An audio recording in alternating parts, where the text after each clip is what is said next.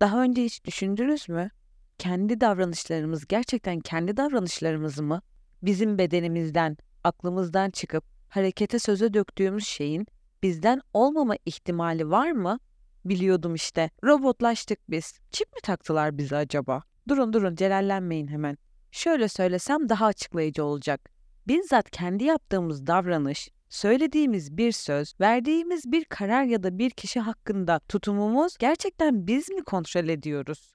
Bugün sizlerle istemeden yaptığımız davranışları konuşacağız. Enap Beledi ile yürüttüğümüz sınır etkisi programından sesimizi duyurabildiğimiz herkese merhabalar. Ben Kader.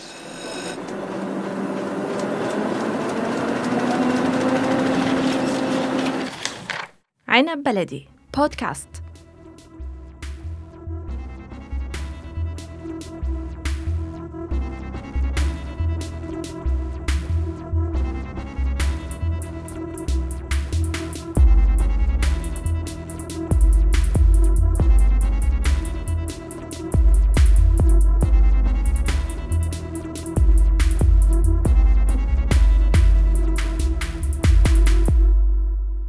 Başta söylediğim şeyler ben dahil şu an hepimize ne kadar korkutucu gelse de bu sorunun konusu ne Black Mirror'dan bir bölüm ne de distopik bir öngörü. Kelimenin tam anlamıyla ikna ve algı kelimelerinin gücünden bahsediyoruz şu an. Zorla güzellik olmaz. Kimse kimseye zorla bir şey yaptıramaz. Kimsenin hayatına herkes karışamaz diyorsanız evet doğru. Aynen de böyle. Fakat ikna ve algı zorlamadan uzak, zihni, zamanı ve kapasitesi açık olan insanlara çok çekici bir inandırıcılık sunuyor. Her ne kadar basit bir mesele gibi görünse de ikna ve algı dediğimiz şey bütün topluluklarda toplumun tam kalbinde yer alan sistemin çarkını usul usul döndürüyor. İnsanı insan yapan parçaları tartışmayı bir kenara bırakıp insanı toplum yapan parçayı masaya koyalım bugün. Şu ikna ve algı meselelerini tartışalım bakalım. İkna en temelinde toplumsal bir etkileme biçimi olarak karşımıza çıkıyor.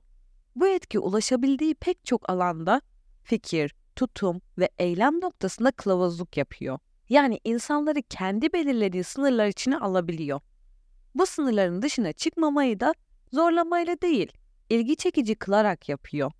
Her ne kadar bireysel noktada hissedilebilse de toplumsal manada ise aslında bir gölgeden ibaret bazı filmlerde, dizilerde bu konu özellikle e, göze vurarak çarpmıyor ama bize anlatılmaya çalışılıyor.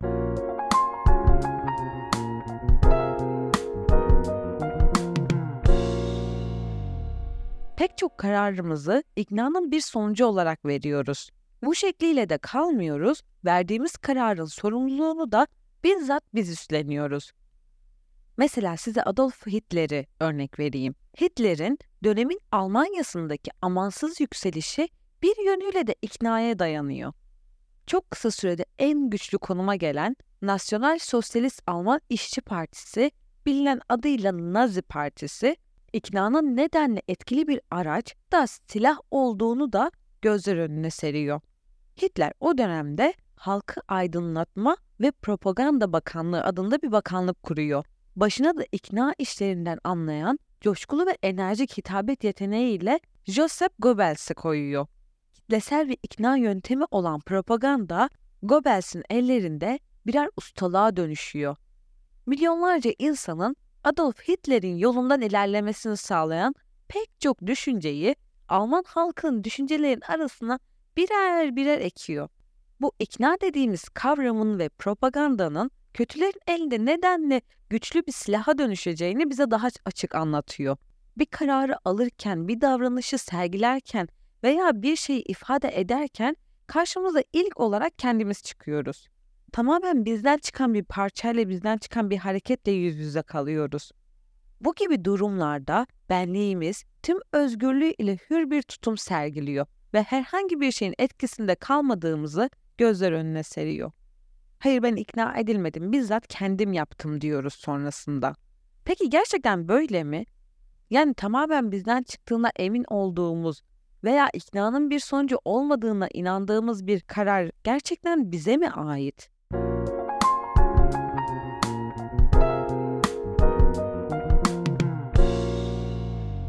Bir Edward amcamız var. Edward Herman. Bir de arkadaşı Noam Chomsky. Bu iki isim rızanın imalatı kavramıyla tam da bize bunu açıklamaya çalışıyor. Kendimize verdiğimiz rıza, tutum ve davranışlarımızın tamamen bize ait olduğunu vurguluyor. Psikolojik olarak da daha net ve kesin bir ruh hali kendimize verdiğimiz izinle paralellik gösteriyor. Yani bizim psikolojimizdeki daha net ve kesin bir ruh hali kendimize verdiğimiz izinle ortaya çıkıyor. Ama size şunu söyleyeyim mi? Evet bu davranışı ben yaptım. Bu düşünce benim düşüncem. Bu söylediğim kelimeleri ben kendim düşünüp kendim bizzat bana ait olarak söylüyorum dediğimiz şeylerin altında bile uzun soluklu bir e, ikna yöntemi yatıyor olabilir. Bunu bir düşünün derim. Nasıl sorgulayın biliyor musunuz? Her ne kadar kendi bilincimizle o şeyi yapıyor olsak da bilincimizi oluşturan bizler miyiz acaba diye bir sorun. Yani bizi biz yaptığını düşündüğümüz parçalar e, ya bir başkasının parçalarıysa yani ya başkası onları oraya yerleştirdiyse yavaş yavaş ilmek ilmek o zaman ne olacak? Ya biz gerçekten kendimizi bulamamışsak? İşte Herman ve Chomsky de bilincimizin zaten var olan bir sistem tarafından yıllar yılı şekillendirdiğini vurguluyor. Medya, okul, gelenek, görenek, politika, topluma dair her bir dinamik zaten günden güne böyle usulca bizi ikna ediyor. Yani mesela Türk toplumunun Araplara karşı olan bir düşmanlığı var. Niye bu kadar insan hepsi birden böyle e, içten içe seviyoruz desek de ya da arkadaşız evet e, ben onlara karşı bir ırkçılık hissetmiyorum falan dese bile herhangi bir nokta çok küçük bir noktada olsa bile o e, Arap düşmanlığını görebiliyoruz. Ya bence bunun altındaki yatan en e, sağlam iknalardan biri de küçüklüğümüzden beri hepimiz her ailede yani çocuklarımıza yabancı düşmanlığını öğretiyor olmamız aslında. Yani mesela ne diyoruz? O yabancı ondan şeker alma. Hayır o yabancı.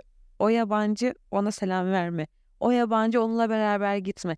Evet böyle bir eğitimin verilmesi gerekiyor. Evet bu çocuk kaçırma olaylarından dolayı.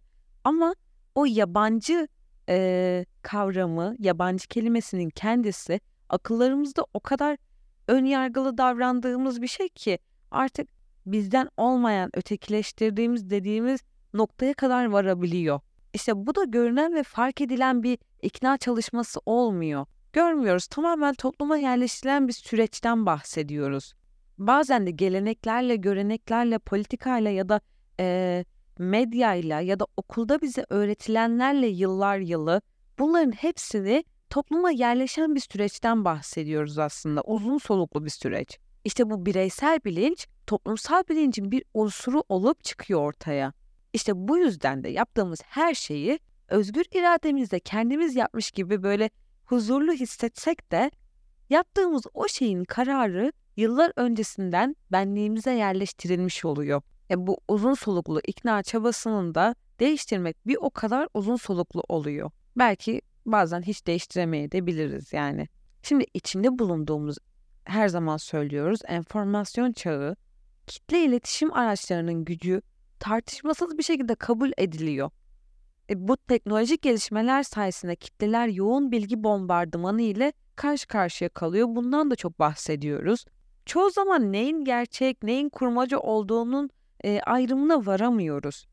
Bu süper hız sayesinde de doğrulanmasına fırsat bulunamayan çok sayıda bu e, yanlış bilginin yayılmasına imkan sağlıyor. Ve sonunda ortada bir bilgi kirliliği yaratıyor bize. Hangi radyo ve televizyon kanalında neyi izleyeceğimiz, hangi gazete veya dergide neleri okuyacağımız günümüzün kapitalist ilişkilerinin içerisinde böyle tek tek belirleniyor.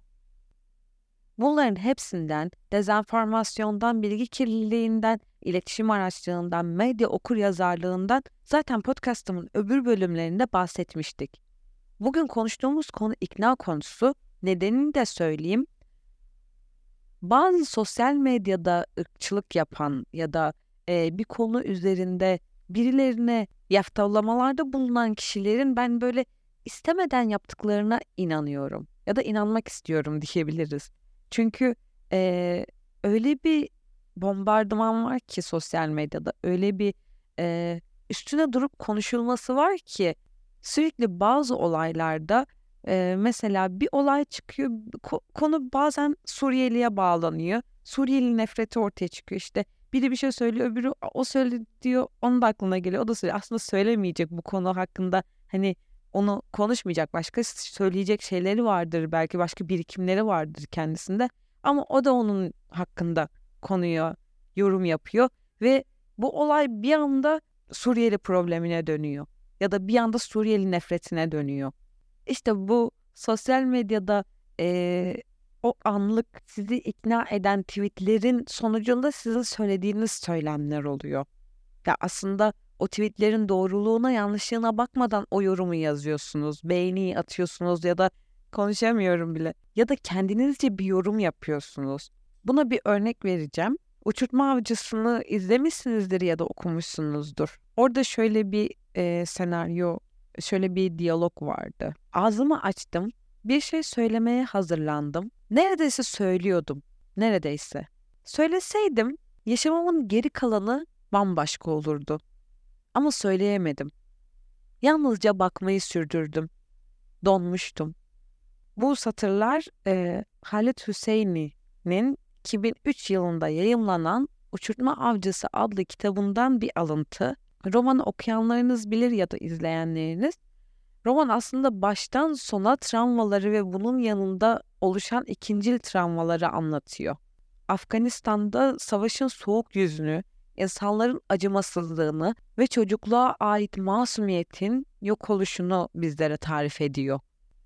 Günümüzde de olan olaylar yani ani oluşan bir afet ya da olay hani ne olayı olabilir şu an aklıma gelmiyor ama bunlar da gerçekten hani burada bahsedilen bu romanda bahsedilen insanların acımasızlığını ve çocukluğa ait masumiyetin yok oluşunu bizlere bazen tarif ediyor ama biz göremiyoruz. O olayların şokundan mı ya da insanın içinde biriktirdiği öfkeyi başka bir şeye boşaltma isteğinden dolayı mı ya da insanın içindeki canavarı o kelepçelenmemiş, tutsaklanmamış gerçek insanı mı dışarı çıkarıyor? Bu hepsi bir sorudur. Hepinizin kendince bir cevabı vardır zaten. Ama sonunda çoğumuz adil bir dünyada yaşamak istiyoruz. Yaşanan durumlarda adil sonuçlar almak istiyoruz. Hiçbirimiz suçumuz yokken karşılaştığımız haksızlıklarda bizim başımıza gelebileceğini düşünmediğimiz için ya da düşünemediğimiz için yaşanan haksızlığa bir sorumlu arıyoruz. Mağduriyete uğrayan insan ya da insanların yaşadığı travmanın şahidi olmak işte bu da bir travma sebebidir. E bu travma da ikinci yani üstlenilmiş travma olarak adlandırılıyor psikolojide. Başka bir deyişle de şefkat yorgunluğu olarak tanımlanıyor. İknadan başladık kader bizi nerelere kadar getirdin diye soruyorsan eğer maalesef günümüzde yaşadığımız ve önceleri yaşanan kaoslardan, ortam karışıklığından, olaylardan ortaya çıkan bir e, fırsatçılık var. Bu fırsatçılıkta e, toplum mühendisliğini duydunuz mu hiç? Yani bu toplum mühendisliği kavramını duymuşsunuzdur. Yani genel anlamda toplum mühendisliğini basitçe böyle zihin mimarlığı veya kompleks bir ifadeyle de e, toplumsal psikolojik bilinç mimarlığı gibi ifade edebilirim. İşte bu kaos ortamında e, insanların dağıldığı ya da ne yapacağını bilemediği ve veya psikolojik ve travmatik olaylar yaşadıklarında bir el gerekiyor onlara hemen. Nasıl bir el gerekiyor? O toplumu mühendis edebilecek, inşa edebilecek, planlayacak bir mimara ihtiyaçları var. İşte o mimarlar da kötü insanlar olunca ortaya şu an sosyal medyada gördüğümüz gibi söylemler, yalan haberler ya da e, bu gibi algı yönetimi, ikna yönetimi, ikna etmeye çalışma, bir toplumu bir konu hakkında ikna etmeye çalışma e, gibi olaylar ortaya çıkabiliyor. Toplumun demografisinde, sosyal dokusunda, tarihten gelen yapısında değişiklik yapmak, tepkilerini, nefretlerini, isteklerini, sevgilerini, tutkularını, duygularını yönlendirmek, kontrol altına tutmak için çeşitli proje ve uygulamaları içeren çok yönlü bir faaliyet aslında bu toplum mühendisliği. O kadar nerelere geldin, nereden başladık, nereye geldik diyorsunuz. Evet ama uzun zamandır e, bu topluluklarda, toplumda izlediğimiz her türlü değişim karşısında sürekli şöyle olmuyor musunuz sizde? Bize neler oluyor ya? Biz böyle insanlar değildik. O eski insanlarımıza ne oldu şimdi? Yok ya bunu da yapmamışlardır. Ah, hayır hayır böyle değildir. İşte Twitter'da dolanırken ya da eee, televizyon izlerken ya da genel anlamda kendi hissettiğiniz eee, bir psikolojide kendinize sorduğunuz bu soruların cevapları bu anlattığım kavramlarda gizli oluyor biraz. Biraz bu kavramların derinine inmek, onları anlamaya çalışmak ya da hadi üstten anladın diyelim onlarla birlikte kendini sorgulamak gerekiyor biraz. Birkaç yıldır bazı toplumları, bazı toplulukları, küçük grupları e, isim vermek istemiyorum. Çünkü isim verdikçe, onları böyle telaffuz ettikçe ben onların daha çok e, ünlendiğine ya da e, daha çok söz hakkı sahibi olduklarına ya da daha çok bir şeyleri e, kendi çıkarları doğrultusunda başarabildiklerine inanıyorum. Yani benim tarafımda olsalar da olmasalar da isim vermeyi sevmiyorum. O kişilerin yaptığı propagandaları ya da sık sık kullandığı bazı e, yanlış bilgileri insanların önüne aha bak bu bunu yapıyor, aha bak bunlar böyle, biz böyleyiz, biz onlar biz diye böyle ayırınca böyle şaşkınlıkla izliyoruz. İzledikçe daha çok şaşırıyoruz.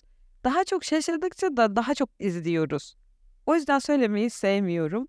Bazen bu izlediğimiz e, yanlış şeylerin hat safhada övüldüğünü, hat safhada destek gördüğünü, işte bunları böyle konuştukça konuştukça, yanlış bilgiyi yaydıkça, bunun üzerine tartıştıkça çözülemeyecek bir hale getirip toplumun asıl problemini biz kendi elimizle yapıyoruz. Tüm bu olanların hayatın bir parçası biçiminde sunulması da gerçekten meselenin geldiği ironik bir nokta oluyor.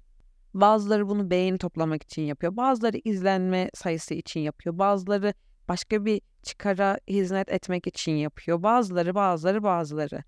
Ama aslında insan için yapılan şeyler unutuluyor. İnsan için bir şeyler yapmak gerekiyor. Bu kavramları, bu anlattıklarımı hepsini böyle bir toplayıp bir kefeye koyduğunuz zaman, içine böyle bir baktığınız zaman gerçekten bizi biz yapan parçalarımız, özelliklerimiz, değerlerimiz veya hikayelerimiz gerçekten biz mi? Yani gerçekten bizim bir parçamız mı?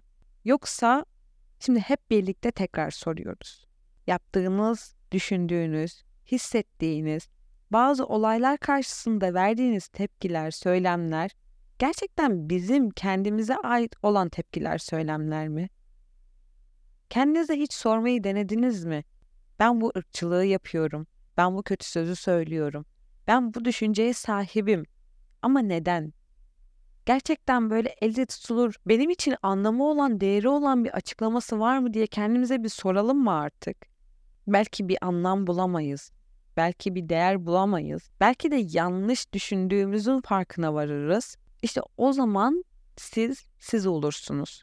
Başkalarının bilincinizin altına yazdığı kodlardan ibaret bir insan olmaktan artık çıkarsınız. Sınır etkisini dinlediniz. Bizi nereden, hangi zaman diliminde dinliyorsanız hepinize günaydın, iyi günler, iyi akşamlar ve iyi geceler diliyorum.